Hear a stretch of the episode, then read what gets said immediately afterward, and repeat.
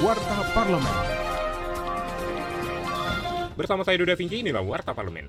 Wakil Ketua DPR RI Rahmat Gobel memberikan apresiasi atas upaya Perum Bulog untuk memproduksi beras Fortifit mengandung 8 vitamin dan mineral di antaranya zat besi, asam folat, vitamin A, B1, B3, B6, B12, dan zinc. Menurutnya beras Fortifit tepat untuk diberikan kepada ibu hamil dan menyusui sekaligus upaya mencegah stunting atau masalah kurang gizi kronis. Legislator dari fraksi Partai Nasdem ini juga menginisiasi pemberian bantuan 12 ton beras Fortifit untuk ibu hamil dan menyusui di Gorontalo. Ia berharap anak yang dikandung dan dilahirkan mendapatkan gizi yang baik, tumbuh dan berkembang dengan sehat.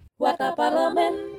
Ketua Badan Kerjasama Antar Parlemen atau BKSAP DPR RI Fadlizon menyatakan upaya diplomasi parlemen terus diupayakan untuk mendukung terwujudnya penyelesaian konflik di Myanmar secara damai. Hal ini disampaikannya dalam diskusi virtual dengan tema peran DPR RI dalam mendorong pelaksanaan lima poin konsensus ASEAN untuk perdamaian di Myanmar. BKSAP DPR berupaya memasukkan isu Myanmar sebagai outcome document di berbagai organisasi antar parlemen dunia, seperti di Interparliamentary Union dan Asia Pacific Parliamentary Forum, sebagai upaya untuk segera menyelesaikan perdamaian di Myanmar.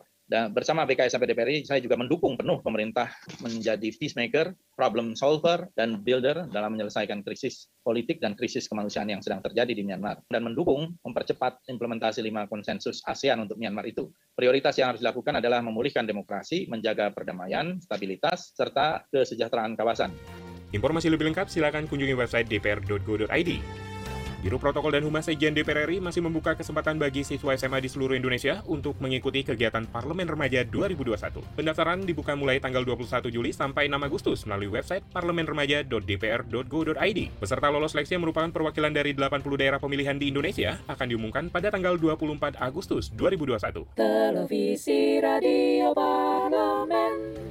Demikian Warta Parlemen, Produksi TV dan Radio Parlemen, Biro Pemberitaan Parlemen, Sekjen DPR RI.